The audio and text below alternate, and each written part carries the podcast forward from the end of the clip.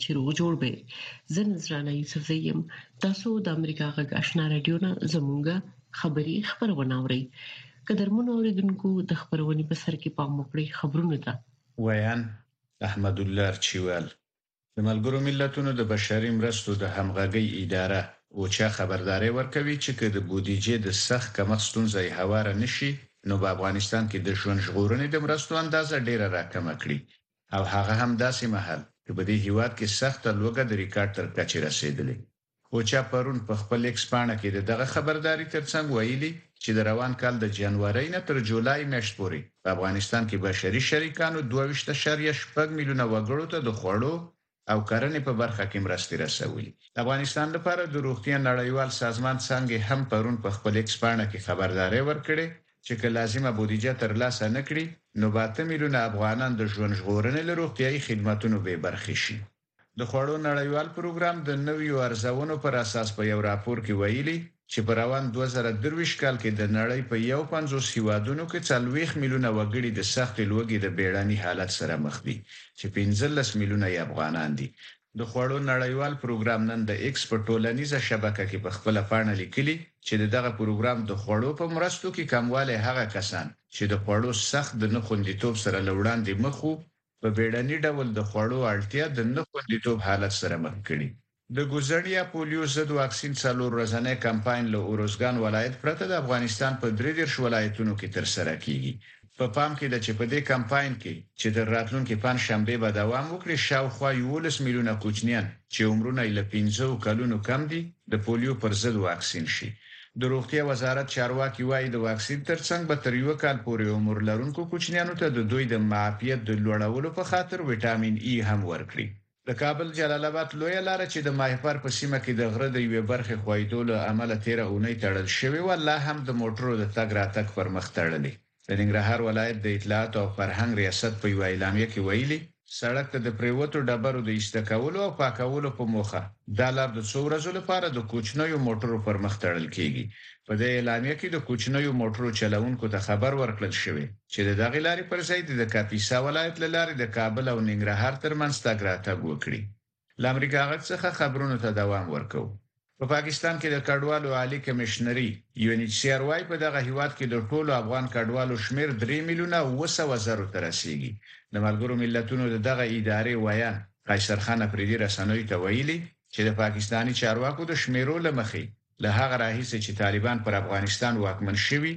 نږدې شپږ سوه زره افغانان پاکستان ته کډوال شوي. خو دا شمېر ښايي له دې هم لوړ وي، ځکه پاکستان ته تازه تللي ګڼ شمېر افغان کډوال ثبت شوي نه دي. د ایران د استخباراتو وزارت پرون ویلي، چې چارواکو یې د اسلامي دولت ډلې یا داعش سره تړلي اته ویشت کسان چې غوښتل یې په تهران کې د تېر کال د لاریونونو د کلیزې پر مهال چاودنې ترسره کړي، نیولي. دې وزارت په خپله ویبپاڼه کې ویلي چې دغه کسان په تهران، البرز او غربي اذربایجان کې د داعش پر مرکزونو او کورنیو ټیمونو د عملیاتو په ترڅ کې نیول شوي. د ایران د استخباراتو وزارت ویلي چې دغه عناصر له حرفوي جنایتکارې ډلې داعش سره تړلي او یو شمېر یې په سوریه کې د تکفیریانو په نوم له جهادیانو سره ملګري شوي. یا یې هم په افغانستان، پاکستان او د عراق په کردستان کې فعالیتونه ترسره کړي. د اوکراین د خرسون سیمې والي وايي، د روسیې په پرونیو راکټي بریدونو کې دوه کسان وژل شوي او لږ تر لږه اته نور ټپیان شوي. د اوکراین وسله والو ځواکونو ویلي، دوی په ختیځ او جنوب کې د روسیې د پرمختګ مخنیوي ته دوام ورکوي. ولسمشر ولادیمیر زیلینسکي په دواړو سیمو کې د درې میاشتنیو عملیاتو پر مهال د اوکرایني ځواکونو بریاوې ستایلي خو د نویو پرمختګونو په باب یې اشارې ورنه کړې. د خرسون والي الکساندر پروتکودین په ټیلیګرام کې لیکلي، د روسیې تر ولکې لاندې د دنیپرو سیند له ختیځې غاړې د توغول شویو توغندیو له کبله د دغه سیند په لوېدیځه غاړه کې یو شخصي کور په نښه شوی.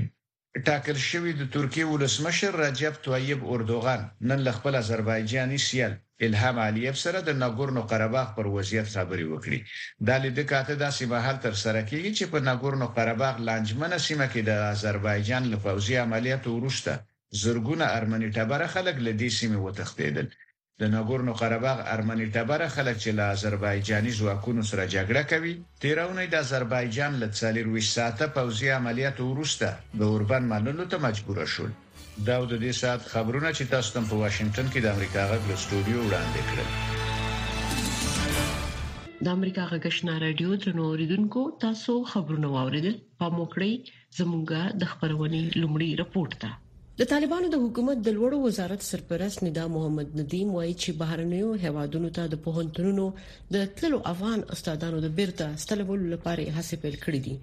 ندیم د بلخ پوهنتون کې یوې غونډې ته وویل چې د پوهنتونونو د معیاري کولو او استادانو د ژوند د ښه کولو لپاره هم هڅه کوي د رپورټونو لمخې په تیرو شاوخوا دوه کلونو کې په سلګونو افغان استادان د افغانستان له بهرنیو هوادونو ته تللي دي اکرام شینواری رپورټ را لګیږي د طالبانو د حکومت د لوړو زده کړو د وزارت سرپرست نظام عبد نجیب د بلخ ولایت مرکز مزار شریف ښار کې د بلخ په پانتون کې ویغونډې ته په وینا کې د پانتونونو د معیاري کولو او د استادانو د ژوند د کېدو لپاره د خپل وزارت د هڅو خبر ورکړی او ویلي دي چې د دغو هڅو په لړ کې څو هېوادو ته د پوهنتونونو د پخوانیو استادانو د ستنېدو لپاره څو پلاوي هم استولي دي. مختلف هیئتا را روان که دایم بلکه شورهای مختلف همه افغانها که خوب استازاست. بیرون از کشور رفتگی است اونا را دعوت به جهان. ښاغلي ندیم وویل چې په پوهنتونونو کې د تدریسي بهیر د معیاري کولو لپاره هڅه کوي چې په ترڅ کې به یې بهرني استادان هم په پوهنتونونو کې په کار وګومارل شي. هغه وویل چې یوازې په پوهنتونونو کې د لابراتوارونو د نصبولو لپاره یې دوه سوه پنځوس میلیونه افغانۍ بېلې کړې دي. د بلخ د پوهنتون یو استاد صالح محمد راسح دې غونډې ته وویل چې د پوهنتونونو معیاري کولو ته ډېره زیاته اړتیا شته دې. مشکل اساسی ما اینمی هست اگر ما به هر فاکولته جای مناسب داشته باشیم هم در تدریس و هم در تولید علم و هم در رهنمایی شاگردان موفق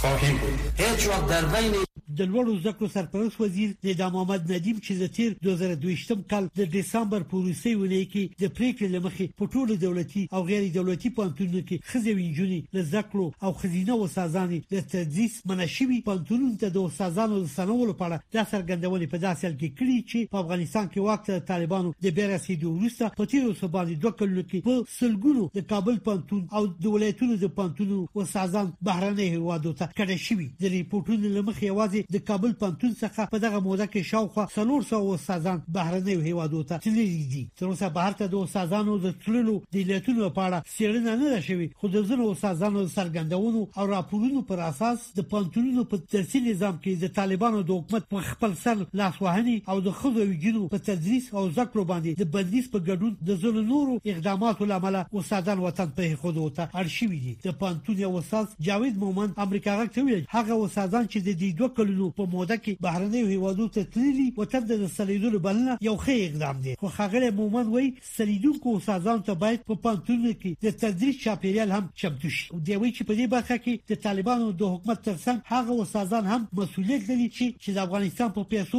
روزل شوي او په بهرنیو هېوادو کې لوړې زده کړې کړې دي. او بل اړخ دا ده چې زه فکر کوم استادان او هغه کډرونه چې تللي دي نو ستونزو سره سره باید په افغانستان کې پاتې شي او د خلکو ته خدمت وکړي ځکه ما مخکې هم ویل دي دا سم نه کېدای شي چې کله افغانستان کې هر څه ګل ګلزار شي او بیا موږ راسو د خدمت وکړو نه هغه هغه ټولنه چې له ستونزو سره مخامخ وي ناورین سره مخامخ وي په هغه وخت کې لوستي کسان کدرونه مبارزه وکړي ستونزو سره او دوی باید پات شي خدمت وکړي نو هیله مې له دواړو لورو نه ده چې هم اسلامي امارت دا مسولیت او مکلفیت دی او هم دا مسولیت زمونږ د پنتون استادانو ته ورګرځي چې د خپل هیواد کې پات شي او راوګرځي ترڅو زموږ دغه نوې نسل چې تر ډیره بریده پورې موږ نالوستي استو په علم باندې سمبال کړي. ښاغلی مومند وایي چې ستونزې شته خو د ستونزو سره سره باید د نوي نسل روزنه هم دوام ومومي. افغانستان کې د دوه زره یوویشتم کال د اګست په میاشت کې واک ته د طالبانو د بیا رسیدو وروسته اکثره داسې ګڼل کیږي چې طالبانو حکومت د عصري علومو د زده کړو پر ځای ډیره پاملرنه دیني زده کړو ته کړې ده.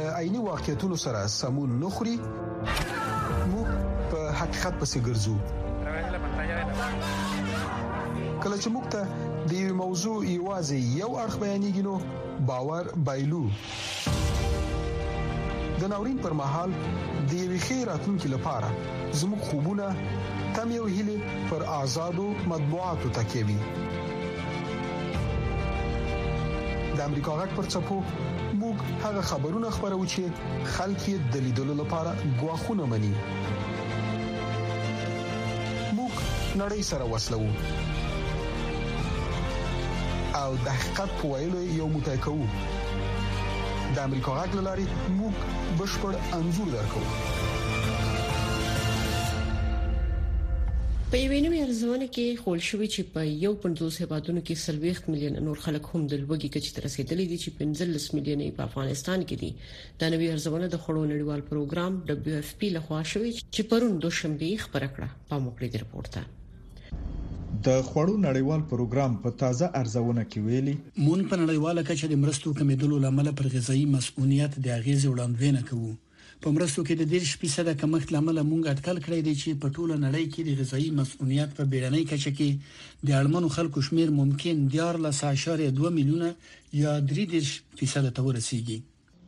د خوړو د کمښت دا وضعیت په افغانستان، سوډان، سوریې، یمن، جنوبي سوډان، کانګو جمهوریت او دې ته ورته هېوادونو کې راغلی دی. د خوړو نړیوال پروګرام وایي، په اوسط ډول د دوی په مرستو کې د هرې یوې سلنې شمېرې په کمېدو سره ممکن تر څلور سوو زرو زیات خلک د بېوزلۍ کچې ته ورسېږي. دغې موسسې د افغانستان په اړه په خپل وروستي راپور کې لیکلي، 15.3 میلیونه خلک به د 2023 کال د مې او اکتوبر د میاشتو ترمنځ له سختې لوږې سره مخامخ شي چې د پنځه کلونو کم عمره 3.2 میلیونه ماشومانو په ګډون څلور میلیونه یې په خوارځواکۍ اخته دي.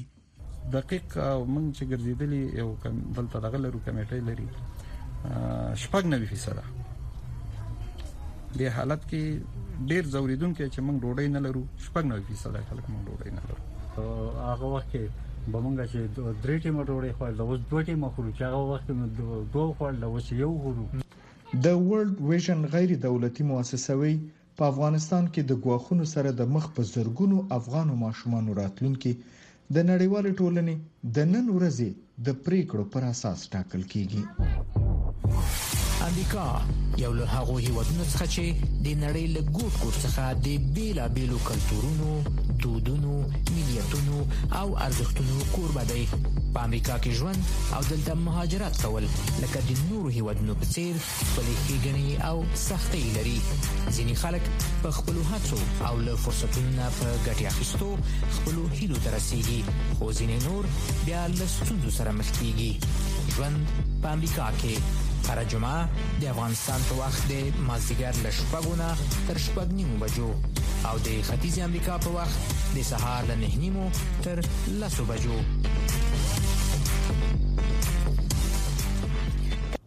که د امریکا د متحده ایالاتونو د استازو په جرګې کې جمهوري غوښتونکي چې اکثریت دي د لګښتونو په لسکونو ترو چې اختلاف پرې لري پاړه هوکړې ته ونرسيږي نو په یو اونۍ کې به د امریکا حکومت په ضمني ډول وتړل شي نور تفصيل په دې رپورت کې که د امریکا کانګرس له یوې ونې څخه په کمه موده کې د لګښتونو پر طرحو هوکړه ونه کړي کوم چې خپل جمهوریت غوښتونکو پر سر اختلاف لري د امریکا حکومت به په قسمي ډول بند شي د ښي اړخو محافظه کارانو یوې افراطي ډلې وروسته له هغه د استازو جرګې د مشر کیوین مکارتي په وړاندې د راولاړېدو او د هغه د ګوښه کېدو ګواښ وکړ چې د روان میلادي کال په پیل کې د هغه او د امریکا د ولسمشر جو بایډن ترمنځ د امریکا د پورونو د نه ورکړې د مخنیوي په موخه جوړ جاړی وشو دا ځکه چې په کانګرس کې جمهوریت غوښتونکي حتی په خپلو کې هوکړې ته نشي رسیدلای په یاد ولرئ د جرګې مشر مکارتي ولسمشر بایډن یو هوکړه کړې و او هغه هوکړه د ټولو اړخونو لپاره سخته و په ښکاره چې زموږ وزارت هم په دې معنی په هغو یو شمېر برخو کې چې موږ غوښتل پیسې ولګوو مصارف راکم کړو هغه پیسې چې موږ غوښتل د سړکونو پلونو او هوایي ډګرونو په خوالي کې مصرف کړو خو موږ هغه ومنله ځکه دا هغه هوکړه و چې د روان کال په پیل کې شوې و او اوس هغه څه چې له هغوی غواړو په ماغه هوکړه د عمل وکړي د جمهور غښتونکو همدا ډله چې د استادو په جرګه کې د اکثریت ګوند غړي دي په کورنۍ لګښتونو او د روسیې په وړاندې د اوکرين څخه د امریکا په ملاتړ کې د ژور کموالي غوښتنه کوي په نیویارک کې د ملګرو ملتونو په سرمشريزه کې تر خبرو وروسته ولسمشر بایدن تیر اونۍ د اوکرين ولسمشر ولادمیر زيلنسکي ته په سپینه ماڼۍ کې خراغلاست ووایه بایدن له اوکرين سره د پایدونکو او ثابت ملاتړ د دوام ژمنه وکړه د اوکرين خلک د دې جګړې په وړاندې ولاړ دي او متحده ایالات به ستاسو ترڅنګ درېدو ته دوام ورکړي مکارتي په دفاعي لګښتونو کې د استادو جرګې ته د اوکراین لپاره د 300 میلیونو ډالرو مرسته وړاندې کړې ده دا هغه مورد دی چې لږ احتمال لري چې اړخي ګوندي ملګري موافقه ورسره وکړي I'll bet on on Kevin McCarthy زه به له کیون مکارتي سره يم او موږ په یقین سره وخت لرو خو نو مولای په ډیر ستونزمن حالت کې دی ځکه مخالفین په تکرار سره مکارتي ته وایي دوه ګوندي طرح جرګې ته مراوړه موږ نه غواړو چې تاسو د تړل کېدو د مخنیوي لپاره د ډیموکراتانو رائې وکاروئ خو هغوی د تړل کېدلو لپاره د ډیموکراتانو رائې کاروي دغه کسان دغه جمهوریت غوښتونکو مخالفان د نانسي پلوسي سره یو ځای د جمهوریت غوښتونکو د طرحو پر ضد چې جرګې ته راوړل شوې رائې ورکوي د مکارتي ګوند په لږ توپیر سره د استادو په جرګه کې اکثریت لري حتی 15 مخالف جمهوریت غوښتونکو هم کولای شي د هرې هغه طرحې سره مخالفت وکړي چې د جرګې اکثریت یې د تصویب هڅه کوي هغه قانون جوړونکي چې د اونۍ په پای کې په واشنګټن کې نه وو د سه شنبه په ورځ راستنیږي او هڅه به وکړي چې د حکومت د تړل کېدو مخه ونیسي که قانون جوړونکي حتی د لګښتونو پر یو لنډمهاله طرح هم هوکړه ونه کړي د امریکا حکومت به د اکتوبر په لومړۍ نیټه د شپې په 12 بجو او یوې دقیقې په ضمني ډول وتړل شي سمي الله جلال زای د امریکا غږ طالبانو د افغانستان له دننه د امریکا غږ راډیو خبرونه درولې دي خو امریکا غږ په پوره شمنتیا خپل افغان اوریدونکو ته په پښتو او دری ژبه د کارا باوري او هررخیزو خبرونو په خبرولو د افغانستان له بهره په 902 کیلو هرتز منځنوي سپو خپل خبرونه ته دوام ورکوي د دې ترڅنګ تاسو کولی شئ چې زموږ پښتو خبرونه په لاندو ټکو هم واورئ پښتو سهارنې خبری خبرونه پر وزارت 290.0 سپو اوریدل شي ما خبرنې پښتو خبرونه په 2040.0 2015.0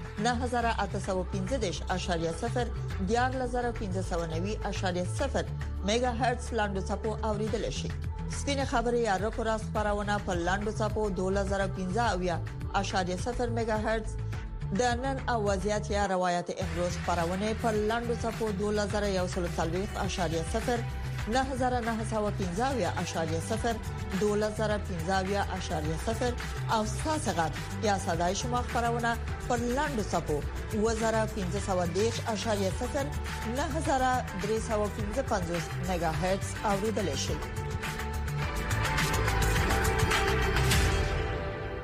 د افغانستان د وضعیت په ځانګړي توګه د جنونو د زده کړو په اړه د هیل په نوم یو فلم په واشنگټن ډي سي کې نندارې ته کې خودل شو د فلم اداکارې فرشته کاظمي امریکا غږ ته ویل مخه نړیوالو او په ځانګړي توګه په امریکا کې چارواکو ته د افغان جنو غږ رسول دي وحید فیضی دغه رپورت جوړ کړ وی به مدت چی میکنی از این چیزا یاد نره وقت کلان شدی په واشنگټن ډي سي کې د ویلسن څېړنیز مرکز کې د هیل فلم ننداره د هیل یا شفا فلم کیسه په افغانستان کې پر ټولنیز ژوند ناورین او زده کړو راڅرخي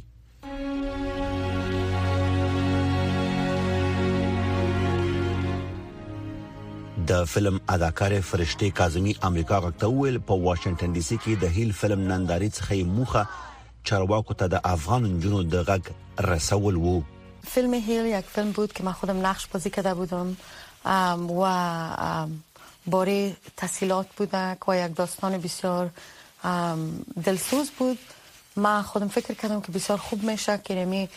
فیلم باز نشر شود مشخص دمی ویلسون سنتر از خاطر که اینجا پالیسی امریکا یا بارش گپ میزنن و صحبت میکنن و خوب میشه که باری دخترای افغان خانمای افغان و این موضوع تحصیلات افغانستان که بند شده ما گپ بزنیم فرشته کاظمی وایي افغانستان یوازنی هیواد دی چې پکې د نجونو پر زده کړو محدودیت لګول شوی دی ای که دخترها و خانما درس نمیخوانه ای بیخی کل کشور پس میمانه امی خود گلوبل پالیسی کدام کشور است که خانما و دخترا را درس نمیمانه بخوانه. د هیل فلم نندارې ته یو شمېر راغلي نندارچیان هم په افغانستان کې د نجونو د زده کړو پر وړاندې د خنډ له کبله اندېښمن دي. شکریا ابراهیمي چې تازه له افغانستانه راغلي او اوس د امریکا په مریلنډ ایالت کې د ماسټرۍ په کچه زده کړې کوي وايي، پر زده کړو د محدودیت لګولو له کبله زیات شمېر نجونې پر رواني ستونزو اخته شوې دي. هیچ راه حل را نمیبینند به هر در میزنند بسته است واقعا ناامید هستند یعنی اگر ما ببینیم اکثر شاید از اونا مشکلات روانی بسیار بالای رنج میبرند از افسردگی شدید رنج میبرند د افغانستان د پوهنې پخوانی وزیر میرویس بلخي امریکا غږ ته وویل چې طالبان د سیاسي ګټو لپاره د نجونو پر زده کړو محدودیت لګولې دي هر بهانه ای که طالبان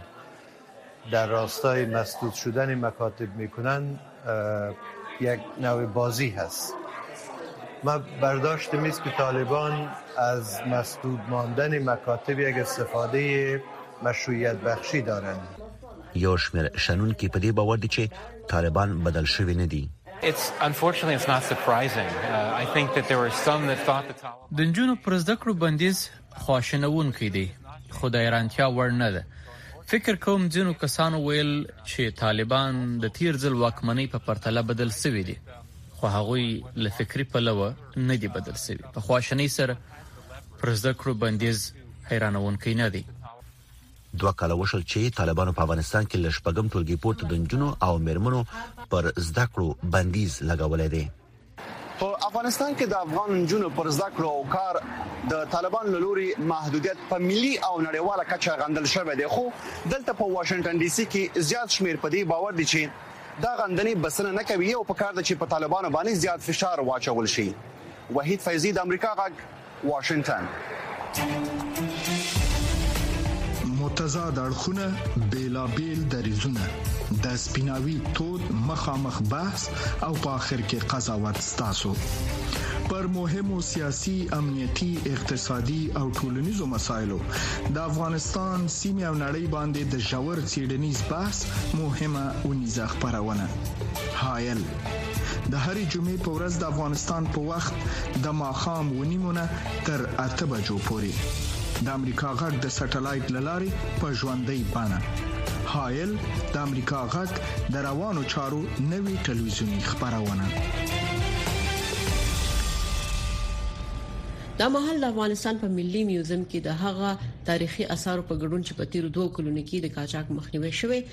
څه باندې یو پنځوس زره بیلابیل تاریخي آثار ثبت دي او د ثبت د لړۍ روانه ده پام وکړئ د رپورت ته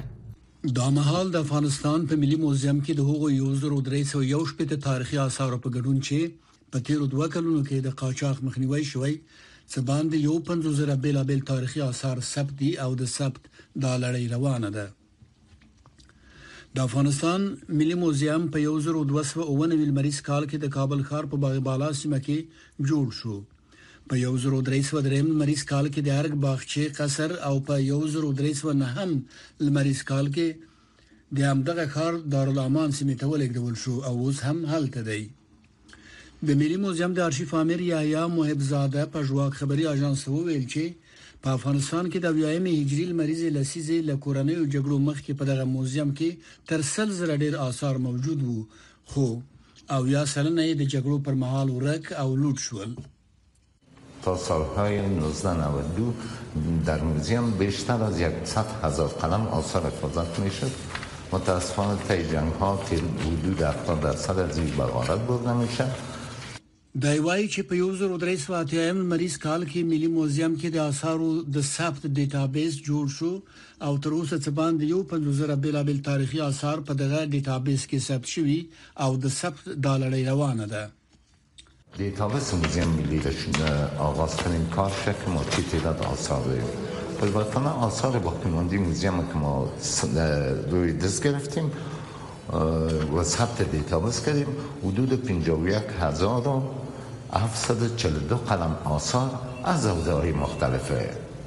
کشور که در موزیم باقی مانده بود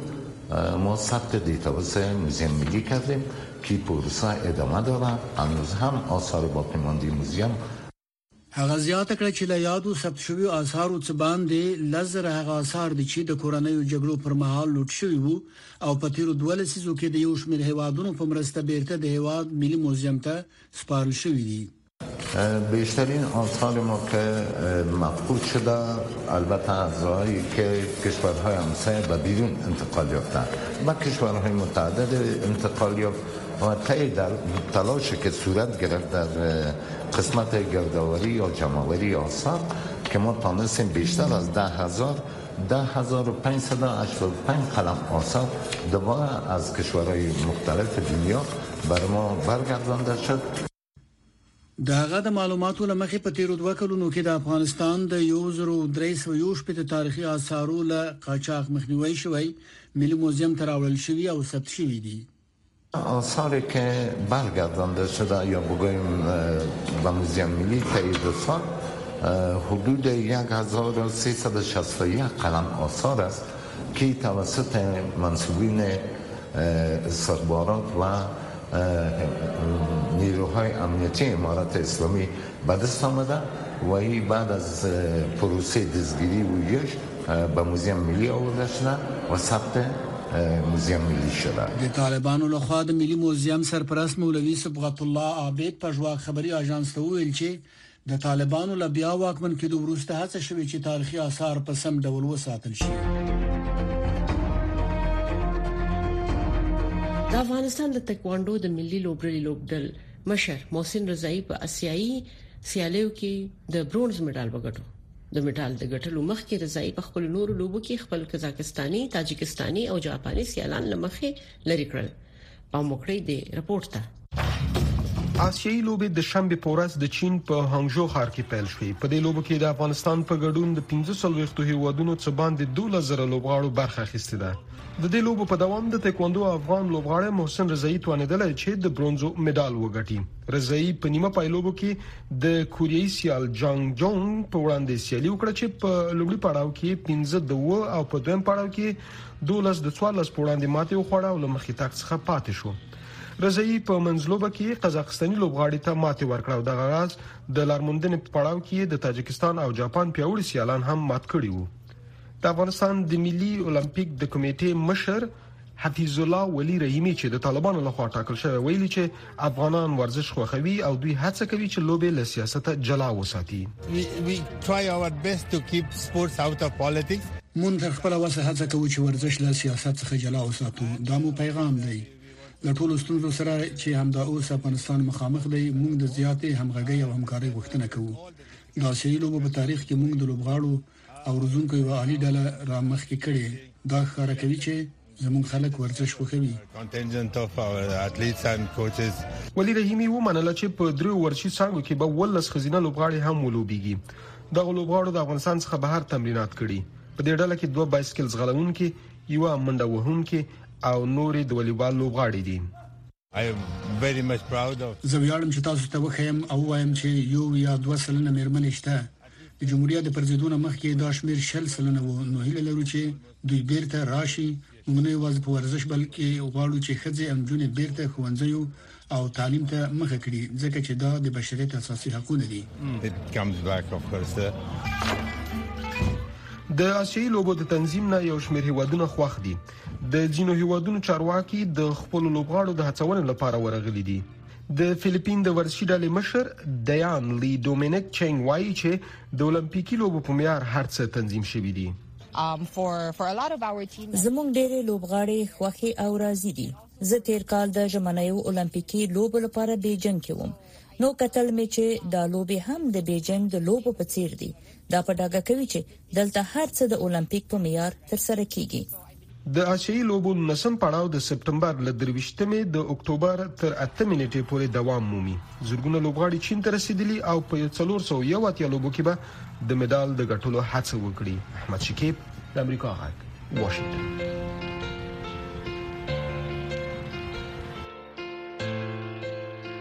قدرمنو اوریدونکو تاسو د امریکا غږ آشنا رادیو نه